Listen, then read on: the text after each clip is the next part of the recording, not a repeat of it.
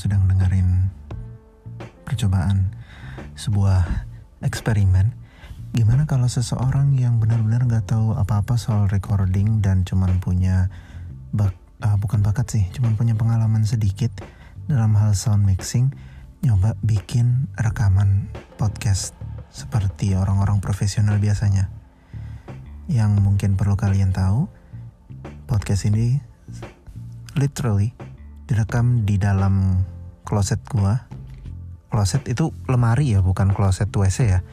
Direkam di dalam lemari gua pakai HP gua doang. Jadi belum ada equipment yang cukup, belum ada ya macam-macam lah. Background musik aja gua nggak tahu gimana cara gimana cara masangnya. Gue juga nggak tahu di mana dapat background musik yang bagus. Tapi ya kita kenalan aja dulu. Nama gue Ari Gue lahir dan besar gue di Banjarmasin. Kalau lo nggak tahu di mana Banjarmasin itu lo lihat peta terus cari peta Kalimantan. Nah, terus lo ke arah tenggara dari pulau itu lo cari deh uh, ibu kota dari provinsi Kalimantan Selatan. Nah, lo bakal ketemu tempat gua tinggal, tempat gua uh, tumbuh besar, dan tempat gua dari SD sampai sekarang kuliah ya sekarang kuliah gue nggak di Banjarmasin sih. Tapi ya tempat kuliah gue juga sejam dari Banjarmasin jadi ya anggaplah di tempat yang sama. Dan apalagi yang mesti gue uh, sumpah ini episode pertama dan gak ada persiapan sama sekali cuy. Kalau um, yang gue tahu ya orang biasanya kan pakai script terus ada semacam topik yang harus mereka bicarakan selama sekian menit dan kemudian mereka akan mengupas habis topik itu. Podcast-podcast yang gue denger tuh keren-keren gitu bisa dapat narasumber dari tempat-tempat yang uh, yang gak mungkin lah gue bisa gapai gitu. Kayak dari kementerian apa gitu kalau podcastnya tentang uh, berita-berita atau kalau podcastnya tentang uh, anak-anak muda gitu yang trendy-trendy itu biasanya bisa ngundang youtuber bisa ngundang artis wih keren.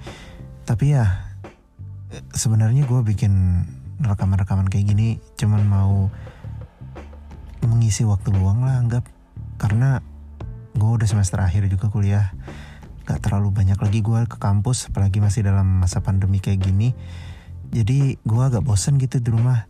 Daripada gue isi buat hal-hal yang kurang begitu mengenakan mending gue bikin kayak ginian. Jadi ya oh timestampnya 3 menit nih. Anjir 3 menit ngomong kayak gini aja udah capek gue biasanya kalau ngelihat di Spotify gitu ya eh karena gue belum belum tenar jadi gue drop nama brand aja. Spotify di noise gitu orang bisa rekaman tuh sampai satu jam tau nggak? Paling sebentar loh 10 menit. Ini 3 menit aja gue udah capek ngomong cuy. Gila. Jadi ya gitu uh, eh, gue lahir lahir enggak lahir tuh di Kalimantan juga tapi bukan di Banjarmasin. Uh, eh, gue SD SMP SMA di Banjarmasin. Terus kuliah gue di Banjarbaru. Di Banjarbaru nih satu jam dari Banjarmasin. Jadi anggaplah sama aja gitu. Meskipun administrasi sih sering gue masih masukin Banjarmasin di alamat. Karena secara resmi gue masih belum pindah gitu dan gue males ngurus KTP-nya. Gue nggak yakin kalau gue bakal berada di Banjar uh, di Banjarbaru sampai um, sampai gue kerja nggak tahu. Jadi gak gue ganti. Pengalaman gue ngurus-ngurus kayak gitu tuh birokrasinya lambat banget cuy. Kalau lo mau tahu, um, sempat sekitar tiga minggu ya gue ngecek terus yang namanya KTP itu nggak pernah jadi gitu jadi juga ternyata belangkonya nggak nggak bener gitu. Terus uh, setahun gue taruh di dompet kan ya. KTP kan nggak terlalu dipakai gitu. Kalau nggak kalau nggak bepergian atau nggak dipakai buat identifikasi gitu kan jarang dikeluarin dari dompet. Terus pas gue keluarin gambar gue hilang cuy. Ya gimana? KTP kan buat identifikasi. Nah gitu. Jadi gue males ngubah nama ngubah tempat tinggal gue dari Banjarmasin. Jadi secara legal gue masih di Banjarmasin. Dan um, pandangan gue tentang kota Banjarmasin itu katanya kota seribu sungai ya. Itu nggak cocok sih sebenarnya. Kota seribu anak sungai lebih cocok. Dan satu hal yang gue paling rindu dari Banjarmasin itu kalau gue jalan-jalan sore Banjarbaru nggak ada yang namanya ngelewatin pinggir sungai jadi di Banjarmasin itu ada konsep pinggir sungai. Artinya rumah-rumah itu dibangunnya ya di atas air gitu. Pakai uh, fondasi galam kayu galam. Nah dan itu tuh nggak gue lihat gitu di Banjarbaru. Karena Banjarbaru ini emang posisinya di atas dan dia harus naik naik tanjakan terlebih dahulu. Sementara kalau Banjarmasin itu dia memang benar-benar di landai daerah rawa jadi ya rumah-rumahnya dibangun di atas air di atas kondisi rawa gitu di atas kondisi yang basah jadi perlu pakai fondasi, fondasi dari kayu gitu. Biasanya kayu ulin atau kayu galam. Nah, kalau gue jalan-jalan di Banjarmasin gitu ya sore-sore itu gue lihat sungai dan rumah-rumah yang uh, berdiri di atasnya itu estetik banget sumpah. Kalau lo belum pernah ke Banjarmasin, coba Banjarmasin terus sore-sore liatin deh uh, daerah jangan daerah perkotaan meskipun perkotaan ada juga yang kayak gitu ya namanya siring.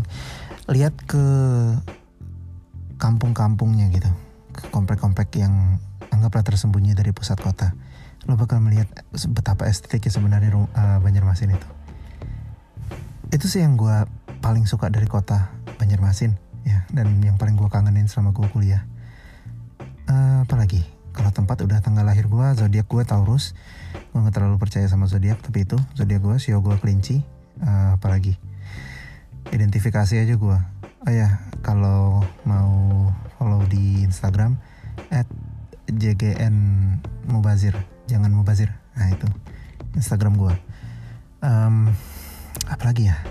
Kayaknya udah itu aja deh untuk episode 1 lumayan kan gue cerita tentang kota aja udah bisa nambelin waktu yang tadi dua eh tiga menit jadi 7 menit. Eh lumayan jadi kayak gini ya. Oh ya dan rekaman-rekaman ini biasanya live. Gue juga nggak belum belum pakai script. Gue nggak tahu gue bahkan nggak tahu apa yang bakal gue um, bicarakan di episode selanjutnya. Tapi yang jelas episode pertama kita kenalan aja dulu. Dan sekalian gue promosiin. Hai Dinas Pariwisata Banjarmasin kalau lo denger podcast ini eh, endorse dong. Iya. Yeah. oke okay. mungkin itu aja thank you for listening